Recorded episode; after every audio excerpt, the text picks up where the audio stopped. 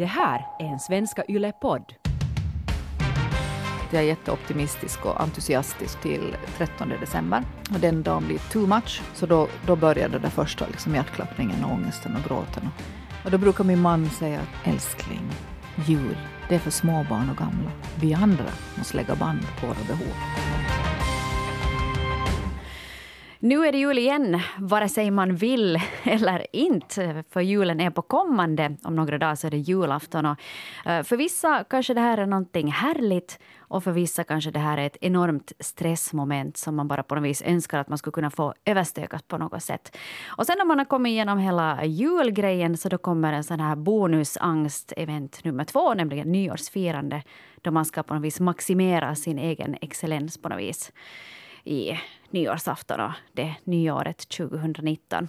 Men frukta icke, ty relationspodden finns här för dig för att kanske ja, lite sådär såga bort den värsta stressen och prestationsångesten i alla fall.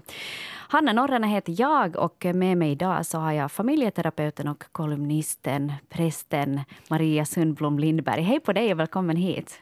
Jag är jätteledsen för att det är så mycket bokstäver när man ska presentera mig. Det är mycket det. Alltså, om du skulle ha haft ett bankkort vet du, på den tiden ja. man måste underteckna det på den här lilla kvittoremsan så skulle det inte ha funkat. Du skulle behöva två, två rader. Jag har, jag har faktiskt rationaliserat det. Mm. Mm, precis.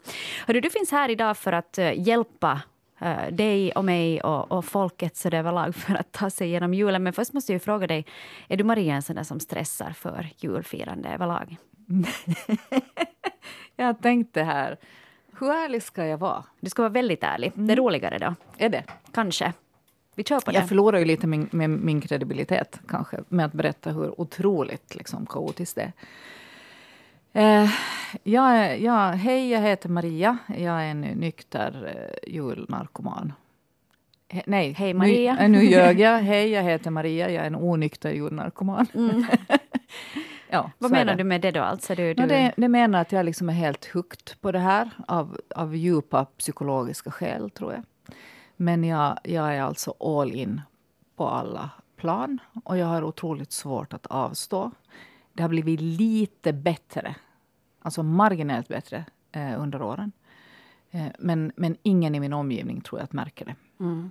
Men du alltså, du, du kör liksom hela racet. Det, det vet du allt från, från vet du, maten till julklapparna till säkert kyrkan och har en stor betydelse i och med att du är präst. Så det finns liksom mycket olika moment att fylla. Det finns mycket moment. Det handlar liksom om pepparkaksbak och lucia och saffran. Jag stod upp sex på morgonen och bakade lussebullar. På riktigt? Ja, men nu, nu då så har ju min familj gått emot mig fullständigt, så de kommer inte med. Men förr alltså hoppade vi i bilen klockan sex. Sovande barn bara i filtar och så trottade över dem några hattar och glitter och så får vi runt och delade ut lussebullar till våra vänner på morgonen klockan sex, mm. innan dagis och skola. Mm. Mm. Så sjuk har jag varit. Ja, men jag kan ju förstå det att du presenterar dig på det sättet att du en, eh, försöker tillfriskna. Eh, som... Ja, men nu är det inte jag som har tillfrisknat utan det är de. Mm. Så de vägrar att komma med. Så nu det här året steg jag då ändå, jag kunde inte hålla mig, jag lagade mina lussebullar, jag steg upp, jag hade min eh, krona, jag gick runt och sjöng.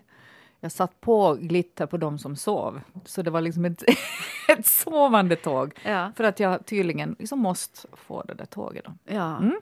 Men varför måste man göra det här? Jag menar, det är ju förstås att om man tycker det är kul och man får en bra feeling av det, så då tycker jag att man får ju hänge sig totalt. Mm. Men är det, inte, är det inte som är hemligheten med hela den där julstressen, att det är så både och? Mm. Alltså det är så härligt och det är så hemskt. Och, och, och man skulle man liksom bara få kunna klippa bort den där härligheten, alltså slutresultatet skulle ju vara underbart.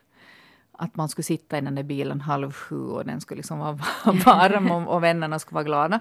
Men den där startsträckan är ju ganska lång. Mm. Bara det att hitta luciaklänningarna på vår otroligt stökiga vind. Mm. Mm. Det, är en utmaning vet, vet du hur många jag hade? Det här är, det här är sjukt. Jag har 14. Men du har dem i olika storlekar? I olika storlekar, från eh, storlek 80 uppåt. Just mm. Du skulle kunna göra en business av det här. Jag tänkte det här skulle jag kunna ge till ett dagis. Ja, ja, ja. Eller sen att alla andra trötta föräldrar skulle kunna outsourca sitt ja. juluppvaktande till eh, vet du, Maria Sundblom Lindbergs ja. Eh, vad heter det, lussebulle service. Mm. Det skulle kunna vara någonting. Det är sant, ja. när man inte orkar uppbåda stämningen själv. Mm, precis. Ja, så svar på din fråga så är jag, jag liksom jätte sådär. Och det, det, det, håller alltid liksom ett mönster att jag är jätteoptimistisk och entusiastisk och härlig till 13 december. Och den dagen blir too much. Så då, då, då började det första liksom hjärtklappningen, och ångesten och gråten och sådär. Mm. Och då brukar min man säga att älskling, jul, det är för småbarn och gamla. Vi andra måste lägga band på våra behov. Men det är ju fint sagt. Det är helt jättesant. Och Men det- jag är ju ja. jag är jättebarnslig. Ja.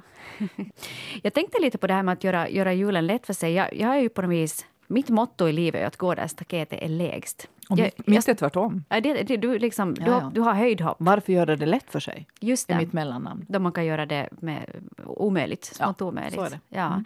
Men du har inte funderat någon gång på det här liksom med att, att man kanske inte behöver göra så, så jättemycket då? Eller, eller känns det som att Jag man... tror att, att det är lätt att säga om man inte tycker det är så kul. Mm. Men tycker man, till exempel jag är en sån här matfreak också då. Så att jag liksom läser ju recept från november och funderar på nya grejer och sådär. Mm. Det är lätt att avstå från någonting som, som inte är härligt. Men om man liksom kickar igång på det så är det jättesvårt att få ut den. Mm. Okej, jag men berätta du om ditt lägsta. Alltså, Ja. Jag har en gång läst här pirkatips som är ganska fina. Och det var skit i att tvätta golvet, eh, ta medel på en trasa och häng på batterier, det doftar gott. Ja, Men det är helt sant. Ja. Och sen också funkar det jättebra att om du har hushållspapper så blöter du det med lite vatten och så kan du bara torka vet du, längs köksskåpen där var de flesta smulorna samlas eller under köksbordet. Det här är liksom snabbstädningen som går på en och en halv minut ifall du får oväntat besök. Och på med ljusen, släck belysningen. Det har min mor lärt mig så det kanske, jag kanske har fått det med Jag brukar köra modersmjölken. disktrasa, men det är kanske därför den luktar så illa. Ja, ja, det måste ju vara en ren disktrasa. Annars om du sätter den där vid batteriet så blir det, inte, blir det inte så härligt förstås. Ja.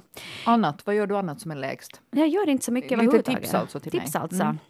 Jag har en bild av då jag gav min dotter, hon var ett år gammal, så serverade jag henne en middag som bestod av knackkorv och grynost blandad till en röra med ketchup på. Hon tyckte det var guld. Jag känner mig inte själv kanske riktigt sådär som mom of the year, men, men liksom om vi tar det därifrån så förstår du liksom att jag... För jag har bara på något vis insett det här att jag har inte inom mig att vara så där himla bra. Att jag försöker göra det bra som är viktigt för mig och resten så tar jag Och vad är lite det? sådär. Nej, men vet du, just att man försöker att inte härja med barnen jättemycket. Man försöker komma ihåg att gå till jobbet och, och göra ett bra jobb och vara en trevlig människa. Sådär. Det är ju jag då inte. Mäh. Nej, men jag är ju inte. Är du inte? Nej, jag in, alltså, Blir du inte en sån här Christmas-silla? nej, alltså, nej, alltså nej. Nej. När man är stressad och när de inte samarbetar och när de, när de inte städar som jag vill och ställer upp på alla mina projekt, mitt behov av samhörighet och familj så blir jag lite passivt aggressiv. Ja, du blir passivt aggressiv. Och, akt, och aktivt Jag tänkte aktivt, för att jag, liksom, jag kan nog komma ihåg att det är inte allt för många, många månader sedan jag själv stod liksom och härjade i tamburen åt mina barn. Liksom, att nu är det nu pip, att det är varenda pipgång så ska det vara så här pip. Mm. Så, så vad heter det? Det känns ju trösterikt i alla fall. Jag menar, du är ändå familjeterapeut så det känns bra att, vet du, Det var det jag tänkte. Jag är Liksom, inte att, är, är det bra att, att, att, att mitt liv är så skit? Eller, eller borde jag vara ett gott föredöme? Men jag tänker ofta liksom att i mitt arbete så tänker jag att mitt främsta cred är just att, att det är ganska mångbottnat, mitt privatliv. Mm. Vad tror du då? Jag menar, du träffar ju mycket människor och par och familjer förstås i ditt arbete. Finns det några vissa grejer som dyker upp just så här i, i juletider, tycker du? Eh, jag skulle säga så här att de som går hos mig jobbar liksom på ett annat plan. Men kanske det som framför allt aktiveras kring juletid det är ju om man, om man eh, ligger i skilsmässa. Alltså separationer, nyfamiljer. Då, då blir ju den här julstressen faktiskt i 2.0. Alltså det, det, det blir någonting liksom helt annat på jättemånga plan. Rent praktiskt att kunna liksom mötas allas behov och allas agendor och kalendrar. Ett litet helvete. Och sen de här stackars ungarna som finns in between. De har ju inte valt det. Det finns liksom inga barn. Det finns knappt några vuxna som står ut med de här delade jularna. Att det är liksom motsatsen till ens behov och bild av jul. Vi har ju också frågat folket lite vad, Mm. vad de går omkring och grunnar på så här inför juletid. Och, ehm, eh, vi skulle kunna ta ett, ett brev här som är lite inne på det här samma tema. Det är signaturen Ensamma mamman som skriver så här. Ju närmare jul vi kommer, desto mer grälar vi öppet framför vår dotter, min sambo och jag. Allt blir till gräl. Dessutom stör vi oss hela tiden på varandra. Jag önskar att han skulle få bort sin eländiga ölmage och börja bry sig om sin hygien mer, sin mansgrisiga beteende och börja hjälpa till här hemma och börja bry sig om mig mer. Vi har haft det jobbigt ända sedan jag började vänta vår dotter och det blir hela tiden värre. Jag funderar seriöst på att skiljas eftersom jag har tappat känslorna totalt. Men jag vet absolut inte hur jag skulle klara mig praktiskt och ekonomiskt utan honom. Mm. Och det här är ju nog säkert någonting som, som jag tror att ganska många vet, så där nickar Mm. igenkännande till. Vet, att man kan bara inte stå ut med den där äckliga grisen Mm. eller grisinnan som man har där bredvid sig. Men, men att på grund av praktiska skäl så blir man Mm. kvar. Eh, Jag tycker att det är ganska viktigt att man höjer blicken. Och tänker att så här har det ju varit jämt. Vi har alltid varit fast vid varandra. Framförallt när vi har barn så är vi ju committade praktiskt och ekonomiskt till varandra. Och det som har varit det ledsna är ju att det ofta varit kvinnor som har varit i ett ekonomiskt och praktiskt underläge. Men vi kanske har haft andra överlägen, till exempel emotionella överlägen. Men det här är ju en, det här är ju en klassisk kamp som har funnits jämt. Eh, Jag tror att man stod ut med den bättre förr för att, för att eh, man hade inte så stora förhoppningar och behov av just den romantiska kärleken. Men idag när vi ekonomiskt och praktiskt klarar oss utan varandra, ofta. Eh, alltså det är ju kuligare två, men det, det går en. Så finns ju bara det här emotionella kvar. Och då blir det en extrem överbelastning på det. Om man börjar irritera sig på att någon är lite små tjock och, Ja. och är oduschad. ja, man tänker på något vis att den där personen borde vara just sådär som en, en film är i en timme och 30 kanske minuter. Liksom hela film. livet. Ja, men inte kanske en film ens, utan men liksom, så- vi pratar liksom om ett good enough. Jag tänker att stå ut med någon annans mänsklighet. Och då tycker jag att det finns liksom ett trix och det är att hur är det med min mänsklighet? Att levererar jag på alla plan? Har jag liksom världens sixpack och är stjärten i skick? Och är jag cool och glad och spirituell och rolig och Mm. sådär? Men om man- Härlig människa. Men om vi, om vi ponerar då att man är just, Det just det. om man är, är, just det där och, Mm. och sen tittar man då på sin partner som har vet du, ölmage och ett grisigt beteende. Sådär. Mm. Får man eh, kommentera sin partner på, på sådana plan? Får man liksom önska att, att hen skulle skärpa till sig lite? Det är en jätte, jättekänslig fråga. Och jag tänker ibland så här att det är liksom okej sådär eh, att, att säga åt en kille om en ölmage, men det är inte okej att säga till en tjej. För vi har kommit... Det är sant. det Ja, där. att det är liksom Ja. jätterude att säga någonting eller bedöma en, en figur efter man har fått barn. Så där, det, är ju liksom, det gör ju väl ingen mera, hoppas jag. Mm. Men eh, det tar ju lika ont om man är kille. Jag tycker att det där är svårt och jag har inget svar på det. Jag måste bara gå till mig själv. Hur, hur skulle jag vilja be, bli bemött? Emotionellt är det så här ganska lätt. Eh, jag lever med en jättetydlig partner. Han tar ingen skit. Han säger genast om jag liksom är emotionellt oattraktiv, det vill säga bitchig, och trist och sur. Men han skulle aldrig kommentera min kropp. Men jag har gjort det till honom några gånger. Vad har du sagt det? Nej, men att han liksom är slö och han gör nyårslöften och ska komma i skick och sådär. Men nu, han har ju gjort det nu. Att, Nu, kan, nu vågar du säga nu vågar det. jag säga det. Ja. Men ja, det är ju inte det är fint att säga det. Mm. Men i hans fall så handlar det ju också jättemycket om trötthet, om rytm, om vanor, om, om stress. Det är ju jätte, så det handlar om livsstil. Att, att kan det också vara omsorg? Att man inte tänker på den där magen liksom så där, som ett fysiskt attribut utan att det är en tickande bomb när det handlar om, om hälsa, fysisk hälsa. Mm.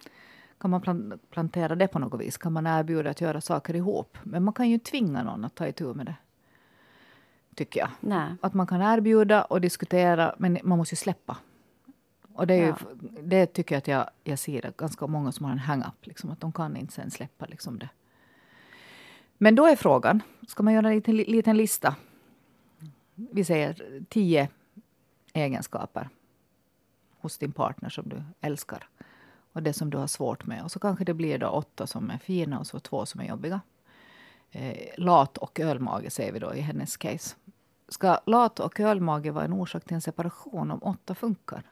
Mm. Lojalitet, pålitlighet, kul, eh, fin med barnen, orka med ens morsa.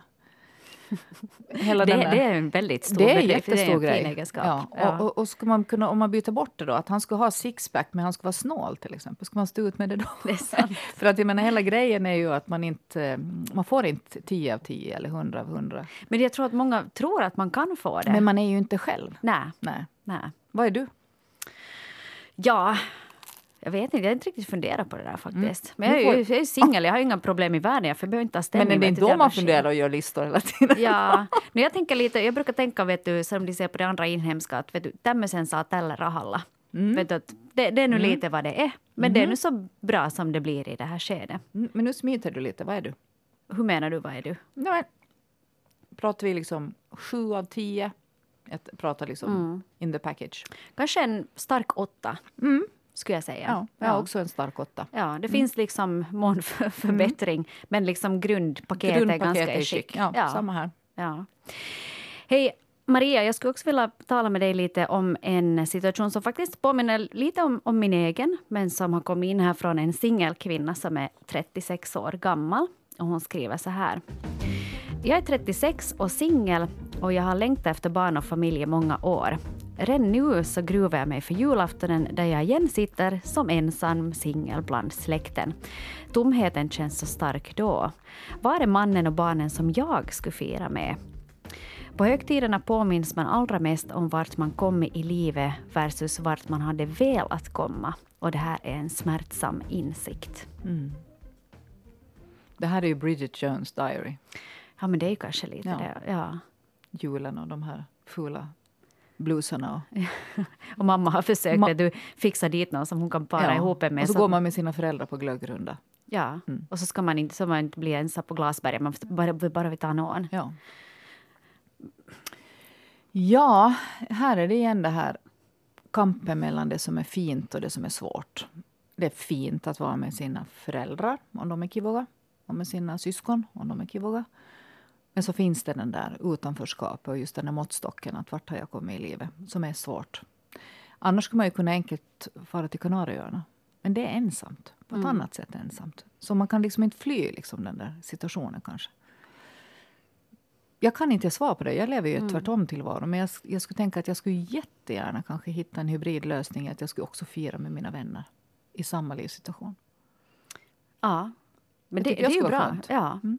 Och just kanske att man behöver inte sitta där och trycka med mamma och pappa liksom Nej. hela jul och nyårshelgen. Att kanske man kan vara där och julafton och juldagen, sova Mm. över natten en natt och sen... Så är det. Eller ett år vidare. reser man bort och nästa år så är man med och varannat år. Typ, Ja. För att hitta någon hybridlösning. Men hur mycket ska man tänka på mamma och pappa där? För jag kan tänka liksom att om jag skulle säga åt mina föräldrar att okej, att nu, nu blir det ingen jul, att jag ska åka till Kanarieöarna, Mm. så skulle de, tror jag, bli sårade för att jag inte kommer dit. Mm. Eller sen så tror jag bara att de skulle bli det. De kanske skulle unna mig det helhjärtat att jag far till Kanarieöarna och dricker sangria istället för att sitta i Men om i du ska berätta att jag tycker att det är jobbigt att komma till er, till exempel inte jag har barnen med. Mm.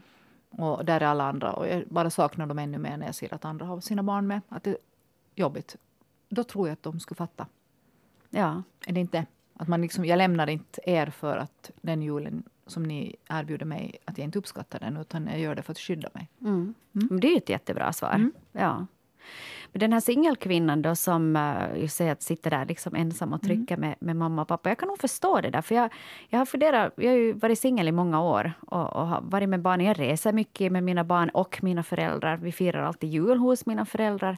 Så att vi har liksom delat ganska mycket. Och ibland kan jag känna just att jag vet du, känner mig lite ensam. Att "Nå, men här sitter jag på Glasberget och vet du, singel Mm. sedan många år tillbaks. Och, och man känner sig lite så misslyckad på något Mm. vis. Vet, man är 40 och vet du, har inte någon man. För det är ju definitionen för att man är lyckad att du har en man. Nu skämtar jag. Mm. Så. ja, ja, eller vet du sen att om du åker på charter och så är du där då på ditt all inclusive hotell och ser alla de här familjerna som då leker med sina barn. Men där har jag faktiskt, nu senast i höstas då vi var på en sån här resa, så, så lyssnade jag lite på de där familjerna och de där paren och då insåg jag att inte det är ju bara guld där heller. För att du har den här tvåsamheten, att där är mamma, pappa, barnen. Mm. Att man hör de här passiva aggressiva gliringarna och man vet du, känner lite den där spända stämningen kring julskinkan. Att, att det är ju inte så att bara för att du har då en man och barn att på något vis livet skulle vara helt super. Nej, tvärtom är det ju eh, eh, ganska många fler orsaker till eh, kriser och turbulens och problem. Ju mer du addar människor in i ditt liv, desto mer ökar ju också sannolikheten för att det skiter sig. Eller hur? Mm. Att när du är du så kämpar du med andra grejer och när man är många kämpar man med, med andra problem helt enkelt. Mm. Kan vi inte liksom bara förstå det? Att det finns liksom ingen lätt väg ut. Det finns inte ett ultimat, en ultimat situation. tror jag. Nej. Nej, alltid är det, alltid är det någonting, Ja. brukar det ju Mm. vara. Så. Just när man har kommit över ett problem, så, Mm. så då kommer nästa. Mm. Jag tyckte om det där, Maria, som du sa, just att om du fast är singel, att, att varför inte göra en hybrid av julen? Eller om du fast är singelförälder, att du Mm. Ja. inte har dina barn nu. Så Mm. att man kan, att det behöver inte vara antingen eller, att nu är de borta i två och en halv vecka och jag ser Mm. inte dem och jag ligger hemma och vet du, gråter mig själv till sömns. Mm. Eller om du har tre juldagar, du behöver Ja. inte liksom go all in. Nej, exakt. Och man kan ju skippa den där släktgrejen på juldagen eller julannandagen med de där fastrarna och mostrarna som frågar så pinsamma frågor. Och så har man en jättetrevlig glöggkväll eller bastukväll eller gör någonting annat. Och att man väljer faktiskt bort. Mm. Och jag tror att om man är ärlig så accepterar alla vad det är. Det är sant. Mm. Och kanske det just kring julen det finns så mycket av de här förväntningarna, allt det här som har vet på, Mm. pågått under flera år, att man kanske antar att den här kommer nu att tycka illa om jag gör si, eller den blir sårad om jag gör så. Att just att man inte ens kanske vågar ens fråga eller ta upp ett alternativt julfirande. Mm. Men om, om du skulle fantisera, vad skulle du vilja göra? Det tycker jag har det ganska bra Ja, faktiskt. hur har du löst det? Nå, vi firar ju som sagt hos mina föräldrar i Vasa. Mm. Och jag och mina barn och, och mina föräldrar och en hund. Mm. Och det, jag tycker det är trevligt för där finns en väldigt såna, det är en sån här likadan jul som det alltid har varit. Och Mm. jag tycker det är fint att kunna erbjuda barnen den här julen. Så- Du har inga syskon? Jag har syskon, ja, men de Mm. har firat på eget håll nu för tiden. De har så himla många barn och vet du, hus och hela Mm. köret. Så, så det är liksom bara jag och, jag och mamma och pappa och sen, och sen vad heter det, barnen. Och där kan ju ibland kanske tänka att det skulle kunna vara trevligt att ha sällskap som, skulle vara, som inte skulle vara vet du, 30 år äldre eller Mm. yngre än vad jag själv är.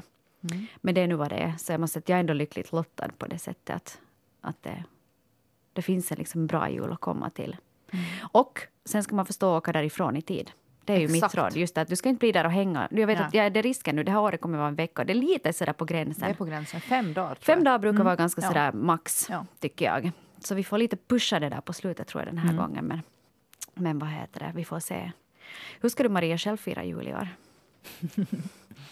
Ja, inte hetsa och stressa hoppas jag. Mm, den där julen i år är ganska konstig. För att vi har så förändrade livssituationer. Jag har, jag har en, min svärfar eh, dog i maj i en olycka. Det innebär att min, min svärmor är alltså första julen ensam.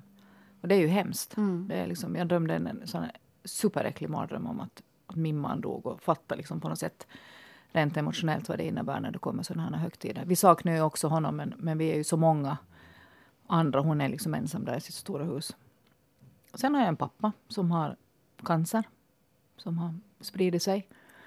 Och han kan man ju inte heller lämna ensam. Men de här människorna bor ju liksom 12 timmar ifrån varann. Så hur ska vi få ihop det? Och sen har jag en ex-svärmor som, som också är är ensam. Så att nu ska vi faktiskt försöka få ihop alla de här. Men, men det har varit mycket utmaningar rent sådär logistiskt. Mm. Mm. Ja, så det blir, det blir och, och, utmaningar. Mm. och jag har fem barn och fem barn med, med olika behov och jag har en man med ett helt annat behov och så kommer jag då med, med, mina jättestora förväntningar. Så att det är liksom inte harmoniskt. Nej, precis. Så det blir att ränna runt nu då och försöka Nej, det ränner inte runt utan, eller? nej, nej, utan vi ska nog vara hemma men bara, bara få ihop alla hit till julafton tro, har varit liksom, det har backats många gånger åt alla håll. Och sen är det tonåringar, vill ju göra annat på jul. De vill ju inte resa bort, de vill ju vara med sina vänner. De vill gå på krog på juldagen, sådana traditioner som är viktiga. De vill inte sitta och mögla på landet i någon koja. Vem ska få bestämma? Eller är det åttaåringarna som ska bestämma, som älskar sin vanliga traditionella jul? Eh, Jag håller på att bli tokig av det och jag har inte hittat någon lösning. Och nu är det, lösningen är nu att alla är arga på, på mig. Nej. För så är det ju. Att Ja. den som organiserar och gör logistiken så, så blir det liksom, inte menar ju alla, men mycket irritationer. Mm. Mm. Men hördu Maria, jag önskar dig allt lycka till och en riktigt god jul. Trots allt, vi ska hoppas att det, att det blir ändå så, så bra som möjligt. Nej, jag tänker good enough liksom. Good enough. Ja, och, och, och jag, jag minns att jag hatade när min morsa sa när jag frågade vad vill du ha i julklapp mamma, sa hon snälla barn. Snälla barn. Ja, Mm. det värsta som finns, för jag visste att jag kan aldrig uppnå det. Men jag- skulle bara vilja frid, frid och harmoni och lugn och ro. Och bara den beställningen är liksom fel. Utan jag ska beställa liksom någonting annat. Och det är kanske liksom att eh, eh, inte skrika högt. Inte sura i köket. Sluta eh, diska klockan elva. Mm. istället. Jag tror det är bättre så. Det där är de bästa tipsen jag tror vi alla kan få inför den här julen. Stort tack till dig, Maria. Och som sagt, en riktigt god jul till dig.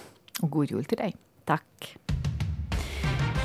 Nästa avsnitt av Relationspodden då ska vi ta och fokusera vidare på vad som egentligen händer efter julen. För eh, sen har vi ett nyårsfirande att se fram emot. Hur ska man bli den ultimata versionen av sig själv? Eller hur ska man tillåta sig själv att kanske bara skippa den ultimata versionen av sig själv? Det kommer vi att ta upp nästa vecka och med mig även då så har vi Maria Sundblom Lindberg. Vi hörs då. Ha en riktigt god jul.